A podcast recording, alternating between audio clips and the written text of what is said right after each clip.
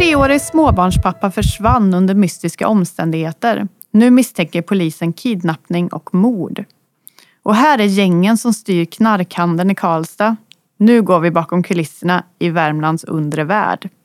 Jag heter Caroline Englund och du lyssnar på NVT Krim, en podd om värmländska brott. Och jag har med mig NVTs reportrar Åsa Asplid och Nicole de Borsan. Välkomna hit! Tack så mycket! Tackar, tackar! Och varje vecka brukar jag säga att eh, ni ska ta lyssnarna med bakom kulisserna i Värmlands undre värld. Men hittills har vi inte pratat jättemycket om den här undre världen. Och jag har till och med fått frågan, och så här, finns det verkligen en undre värld i Värmland? Men det finns det, eller hur? Absolut, det, det finns det. det. Polisen uppskattar ju att ungefär 100 personer i, enbart i Karlstad går att koppla till organiserad brottslighet. Och då handlar det både om eh, bandi, de här mc-gängen, Bandidos och Hells Angels, men också stadsdelsgängen som kanske är de vi ska prata mest om idag. Då. Precis. För i det här avsnittet kommer vi att gå igenom de här gängen som ligger bakom en stor del av den organiserade brottsligheten i länet. Men först ska vi prata om en annan händelse som har skakat Värmland den senaste veckan.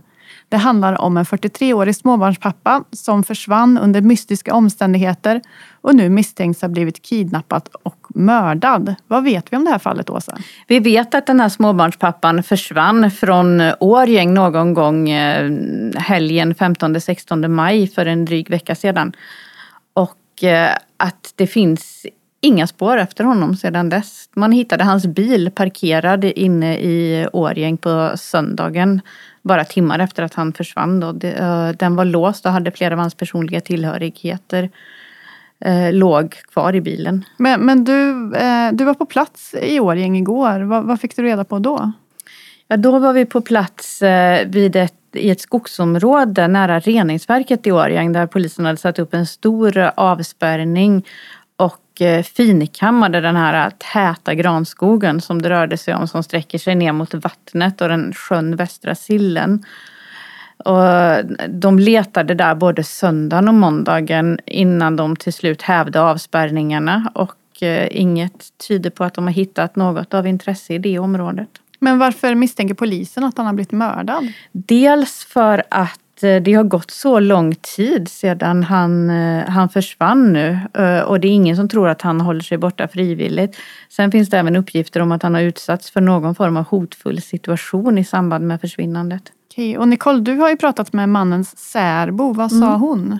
Ja, hon träffade honom. Han var hemma hos henne. De bor väldigt nära varandra i Dalsland och han var hemma hos henne på lördagen och sen eh, vid åtta tiden ungefär hade han somnat framför tvn men vaknat till och, och sa då att han var jättetrött och skulle gå hem. Och de sa hej då. Och när hon vaknade ganska tidigt på söndagmorgonen vid fem redan och tittade ut så stod inte hans bil på parkeringsplatsen som hon kan se då från sitt köksfönster. Och där, så det var det sista hon har sett av honom helt enkelt. Och sen hittade man bilen i, i Årjäng då? Ja. Det finns ju två personer också som är uppsatta som skäligen misstänkta för människorov. Det är ju en 21-årig kvinna som bor i en bostad väldigt nära där bilen stod parkerad och en 33-årig man. De här personerna tros ju vara några av de som sist såg småbarnspappan i, i livet. De är häktade misstänkta för stöld efter att man, ja, de misstänks ha stulit någon eh, fyrhjuling mm. i en sommarstuga. Men är även då uppsatta som skäligen misstänkta för människorov. Åklagaren betonar ju att de misstankarna är väldigt svaga. Så man tror väl egentligen inte att de har rövat bort småbarnspappan. Däremot tror man att de har uppgifter om vad som kan ha hänt. Eh, så man har planerat in nya förhör med dem. Jag tror att de hålls idag i, i hopp om att de ska kunna ge ytterligare information om, om vad som kan ha hänt honom och, och var man kan hitta honom. Mm. Och det här är ju någonting som utvecklas eh, och idag när vi spelar in det här är det tisdag. Eh, men vi följer ju såklart de här händelserna och kommer att berätta mer i nästa avsnitt. Men nu ska vi prata om något helt annat. Vi ska prata om Värmlands undre värld.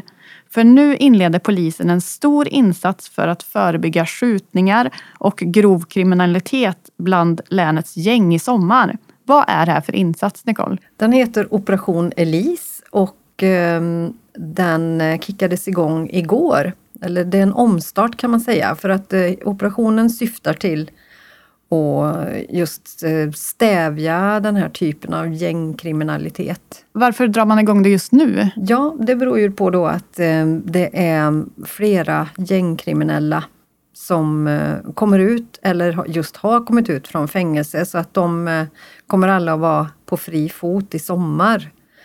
Eh, så polisen vill helt enkelt ha bra koll på deras aktiviteter.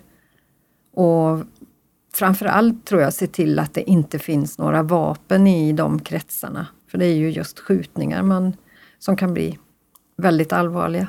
Precis, vi pratade ju förut i början av avsnittet om de här stadsdelsgängen. Vad är det här för gäng, Åsa? Det är företrädesvis eh, unga män, ungefär 15 till 22-23 år gamla, som eh, bor eh, de är koncentrerade till tre områden i Karlstad. Det är Kronoparken, det är Våxnäs och till viss del Gruvlyckan. Och de håller på med droger. Det är droghandel som är deras primära verksamhet. Och med drogerna följer en rad andra brott som misshandel, utpressning, övergrepp i rättssak, olovlig körning håller de på med också mycket. Det är ju ett klassiskt brott som det går att stoppa dem för. Jag var ju med polisen upp på Kronoparken en natt när de patrullerade och då är det ju mycket följa efter bilar för att eh, och stoppa och undersöka om de har körkort med sig. Är det några speciella brott som ni minns som de här gängen ligger bakom som har hänt de senaste åren? Ja, ett av dem, om vi, går, om vi backar ungefär två år tillbaka i tiden så var ju ett av dem som vi skrev mycket om en, en händelse där där ett par i Karlstad fick, eh, fick besök av tre män som trängde sig in i bostaden och de ska väl ha varit både maskerade och beväpnade vid tillfället. Ja. Det var ett vittne som slog larm som stod ute på sin balkong och såg de här tre männen eh, aggressivt försöka ta sig in i den här bostaden. Eh, och hon såg också ett vapen då. Ehm, och det blev, ehm, man ville, det var, en, det var en drogskuld man skulle reglera vid det tillfället. Men eftersom vittnet hade slagit larm så hann de inte göra så särskilt mycket mer än att skrämma upp paret i lägenheten väldigt, väldigt rejält. Mm. Utan de greps i ganska nära anslutning till händelsen. Mm. Och dömdes i tingsrätt ja. och hovrätt till In, Inför rättegången där också så var det ju lillebrodern till en av de här tre männen. Mm. Eh, vid det tillfället bara 17 år gammal men redan välkänd av polisen. Han, han valde ju att ringa upp den här kvinnan som blev vittne till det här och eh, hotade henne för att hon inte skulle vittna mot hans storebror i rättegången. Ehm, men det valde hon att göra ändå. Däremot så, så blev hon väldigt omskakad av det här och under rättegången så, så närvarade hon via videolänk för hon ville inte befinna sig på samma plats som dem. Men eh, ja, lillebrodern där blev ju senare dömd för övergrepp i rättssak eh, på grund av den händelsen. Och han var ju sen bara ett par månader senare en av de centrala figurerna i de här uppmärksammade skjutningarna som skedde i Karlstad mm. sommaren 2019. Då var det ju först en kille som blev eh, skjuten i, på Kronoparken, på campus.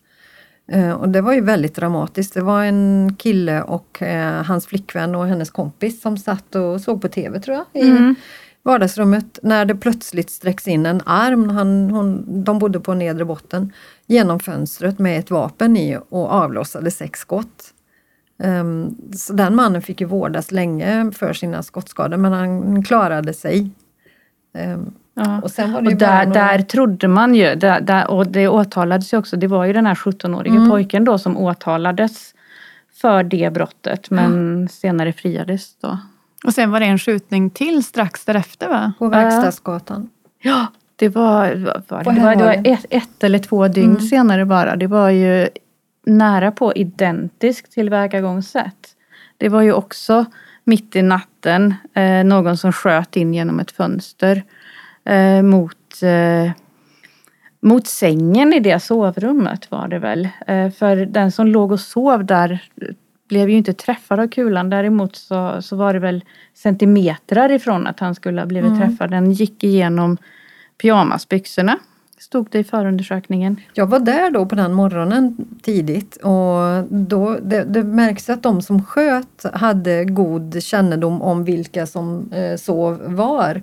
Skulle man tro för att eh, de hade skjutit alltså, det var neddragna persienner som de hade skjutit genom utan att kunna se in så att säga men de måste ändå ha vetat att det, där är sovrummet och, och så. Det fanns ju kopplingar mellan, det var ju fyra unga män som bodde i den här bostaden och, och de var väl bekanta med, med de här männen som senare åtalades för de här brotten. De. En av dem hade ju tidigare varit kompis med de beskjutna men sen som det står i förundersökningen gått över till Kronoparksgänget. Så att han hade ju bra kännedom om då hur det såg ut i den beskjutna lägenheten. Och sen en, en annan uppmärksammad händelse som vi också har skrivit mycket om, det, den skedde ju i augusti förra året. Det var ju återigen en, en av männen som dömdes för intrånget i den här lägenheten. Han kom väl ut ur fängelset förra sommaren och kort stund senare blev han gripen igen. Det var, eh, polisen var uppe på ett rutinuppdrag vid Klasmossens idrottsplats på Kronoparken och, och gick och sökte med hund i området lite, lite på måfå. Sådär, när de av en slump eh, hittade ett större drogparti som var, låg gömt under en stubbe. Väl förpackat i, i plast och plastpåsar, både cannabis och kokain till ett ganska stort värde. Och då eh, valde polisen helt enkelt att eh, lägga sig i bakhåll och, och vänta på att någon skulle komma och hämta de här drogerna. Bytte de ut knarket eller lät de Ja, det ligga kvar? nej, nej de, de, mot bytte ut det. Eller något. ja, ja. precis, det gjorde de. Eh, tvättmedel eller vad det nu kan vara för någonting. Eh, sen, sen gick de 10-20 meter längre in i skogen och, och, och la sig ner bland träd och gräs och väntade helt enkelt. Och där blev de ju liggande, jag tror någonstans mellan 12 och 14 timmar tror jag de låg väldigt där. länge det. Ja, verkligen. Det krävs eh, lite envishet. Men, men framåt kvällningen i alla fall så, så såg de två män komma gå, nä, gående som närmat sig det här området som, som ska ligga ganska nära en cykelbana eh, som går genom, genom ja, i anslutning till idrottsplatsen. Två, två personer som de kände väl igen sedan tidigare. Och männen gick fram till stubben och hämtade det som de då trodde var droger. Vilket ledde till att polisen eh, skyndade sig ju framåt. De här männen såg att det var poliser, sprang därifrån med, med poliserna hack i häl efter sig. Eh, men kom inte särskilt långt innan de blev ikappsprungna av polisen faktiskt. Eh, den ene mannen hade ju inga droger på sig så han hävdade senare i förhör att han, han visste ingenting om det här. Han hade ingen aning om att hans kompis skulle gå och, gå och hämta eh, narkotika under den här stubben.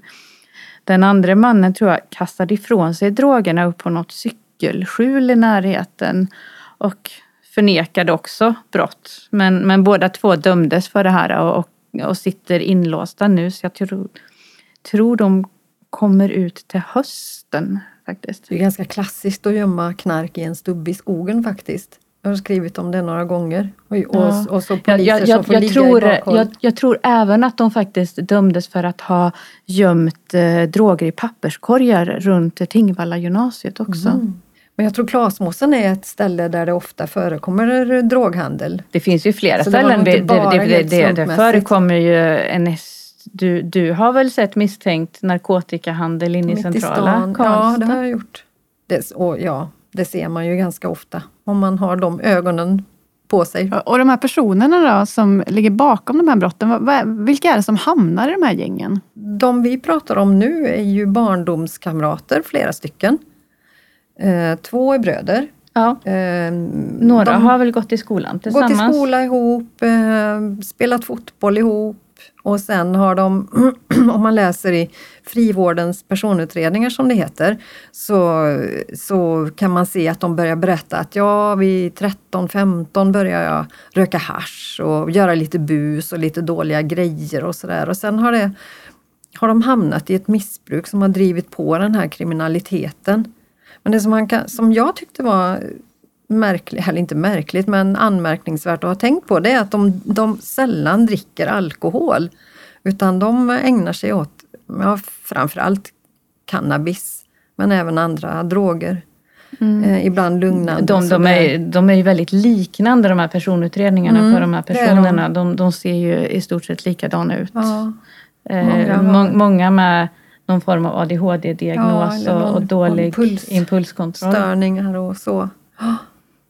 Mm. Och tidigt kanske hamnat på någon slags eh, ungdomsvårdsskola mm. också mm. i, i, perioder. Så, eh, sällan eh, gått klart skolan. Nej precis, och mycket avhopp. Det har ju varit väldigt mycket prat om gäng och så i stort i, i Sverige. Finns det någon koppling här till de här värmländska gängen till gäng i andra del, delar av Sverige? Eh, ja, de här två personerna som, som dömdes för det här knarket under stubben då. Eh, där framkom det ju att de hade ju även varit till, till Stockholm där de fotograferades tillsammans med, med personer som tillhör ett av de kriminella nätverken i södra Stockholm. Så att det finns ju kopplingar där.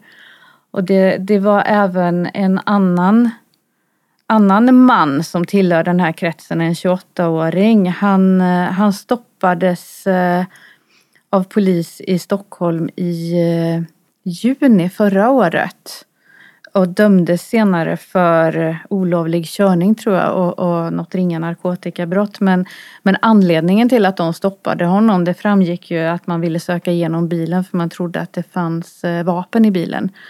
Så, så uppenbarligen hade de ju koll på honom där. Det var ju inte bara en slumpmässig eh, stanning. Sen finns det ju i det här skjutningsmålet så finns det ju kopplingar till Örebro.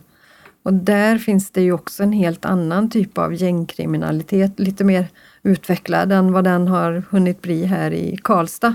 Där finns det ju två utsatta, så kallade då utsatta områden dessutom och ja, gäng som styr stadsdelar helt enkelt. Men mm. så riktigt är det ju inte i Nej. Karlstad säger polisen. Men däremot så har vi ju även den här eh, likheten. I Stockholm så är det ju flera gäng som eh, där, eh, där även framgångsrika rappare står åtalade för, för flera brott. Ju. Och det finns ju lite av en liknande situation här på det lokala planet. Det är ju en en, en, rela, eller en med värmländska mått mätt framgångsrik eh, artist som, som rör sig väldigt mycket i den här miljön eh, med bland stadsdelsgängerna. Han är ju uppvuxen med de här personerna och är ju dömd för en del mindre narkotikabrott. Eh, även grövre brott för några år sedan men de senaste två åren tror jag det har varit, varit mindre allvarlig brottslighet. Men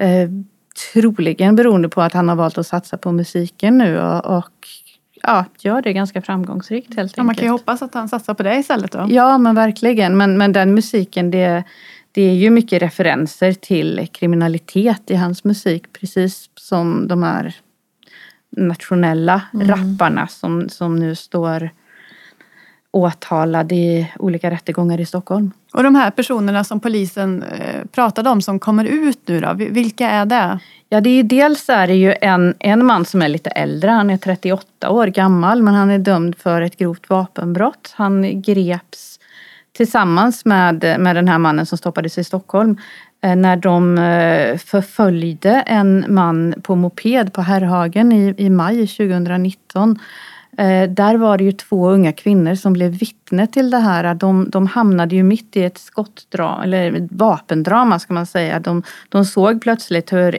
en av männen på mopeden drog fram en, en pistol och, och eh, riktade mot en annan man och larmade polisen vilket ledde till att det blev en ganska intensiv polisjakt mm. när männen så småningom flydde in på något inhägnat område. De var inne till... på Beijers bygg där de greps. Ja, från, från Herrhagen och från faktiskt samma adress som skjutningen på Herrhagen för två Skedde, somrar sedan. skedde, Ja, skedde ett, ett par Ja. månader senare. vid gjuteriet Ja. på Herrhagen.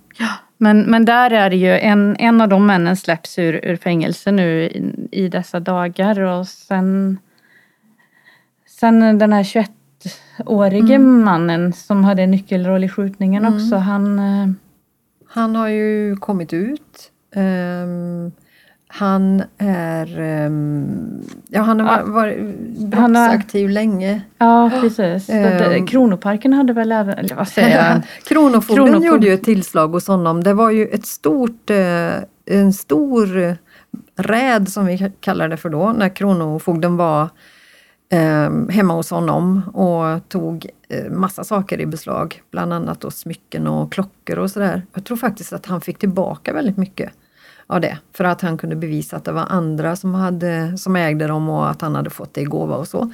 Men ehm, eh, då hittar man också en skyddsväst eh, hos honom. Och det är ju ett sånt här attribut som många av de gängkriminella gillar eller har.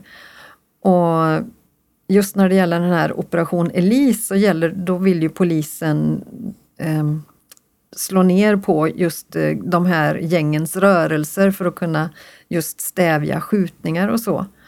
Och, Men, men där var det ju en, en jätteanmärkningsvärd detalj för den här mannen och även han som bara var 17 år när skjutningarna hände. ja, just det. de, de övade ju faktiskt skytte på skoltid Ja. visade det sig. Det visade sig, eh, jag vet, hur, jag vet Du inte hittade det, det det, någonstans? det låg Ja. i, i, med i hitt- förundersökningen. Ja, det låg med i Men jag vet inte riktigt hur det kom fram i förundersökningen egentligen. Man har väl Jag tror att de hittade bilder i bilder, mobiler. i mobilerna där de står, står och övar skytte på en- Karlstads pistolskytteklubb tror jag det Ja, var. heter det så nu? Det, Då hette det så i Ja. alla fall. Och eh, då visade det sig att de hade varit där med skolan eh, för att de hade, vad kallades det nu för, elevens val.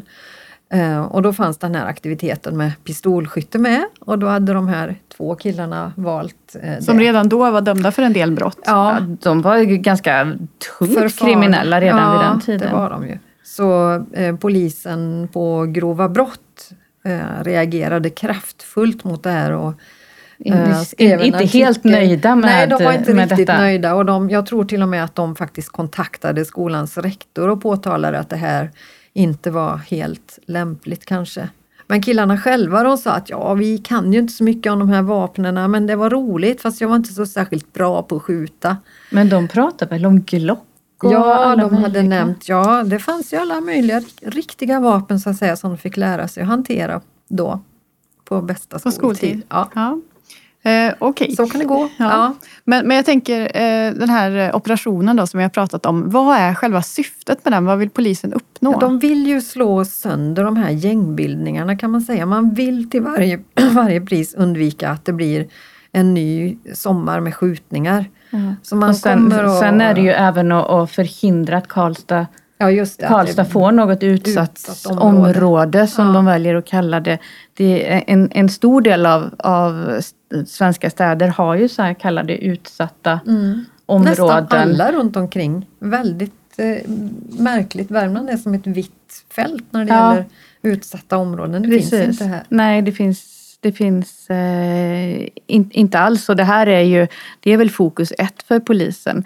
Och, och de har ju även sagt att de, de riktar ju även in sig på en del yngre tonåringar, 13-14-åringar, bara för att förhindra att de, de dras in i den här typen av kriminalitet. För man vill inte att de här gängbildningarna ska växa. Mm. Vi får hoppas att polisen lyckas men samtidigt så precis innan vi skulle gå in i studion här så fick vi eh, uppgifter om att det faktiskt har skett en skjutning i Karlstad. Eller vad, vad vet Ja, vi om det här? Det var, det var någonting som, som vi såg i en nyhetsflash här nu alldeles nyss. Att, att det finns uppgifter om att eh, någon har skjutit mot ett hyreshus på Kronoparken natten mellan lördag och söndag. Och det var boende hade noterat en hög smäll. Och som, som jag förstod det så hade väl polisen konstaterat att det fanns skotthål i, i, bygg, i en byggnad där. Det är ju precis samma som hände, är det ett år sedan nu?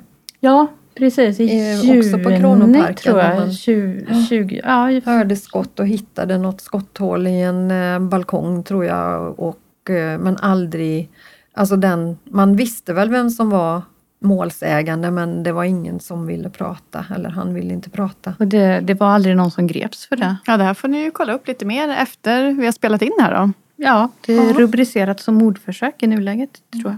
Ja, vi kommer ju säkert få anledning att återkomma till den här Värmlands undre värld i podden fler gånger. Men det här var faktiskt allt om det här för den här gången. Men innan vi slutar vill jag bara följa upp några saker från förra veckan. Eh, då pratade vi ju om den här 23-årige mannen som mördades i Grums under Kristi himmelfärdshelgen. Eh, vad har hänt i det fallet, Nicole? Ja, bara under eh, i helgen i söndags så häktades två av deras kompisar eh, misstänkta för grovt eh, skyddande av brottsling. Eh, och det ska ha skett, åklagaren är väldigt förtegen men, men det här brottet som de sitter häktade för nu ska ha skett samma dag som mordet var och, i Grums. Men de här 18-åringarna som är misstänkta för mordet, de är fortfarande De är häktade fortfarande också? häktade och de förnekar fortfarande brott. Det kollade jag igår med deras advokater. Och de, eh, de hävdar nödvärn båda, att de själva var utsatta för visst våld och så därför har försvarat sig. Du har lyssnat på NVT Krim, en podd om värmländska brott. Gå gärna in och prenumerera på den här podden så att du inte missar nästa avsnitt och tipsa gärna en kompis om att vi finns. Och tack alla ni som följer vår Facebookgrupp NVT podd där vi lägger ut lite extra material bakom, som handlar om hur vi jobbar bakom kulisserna. Jag heter Caroline Englund och med i den här podden är också NVTs krimreportrar Åsa Asplid och Nicole de Borsan. Carl Edlom står för ljud och jinglar och ansvarig utgivare är Mikael Rotsten.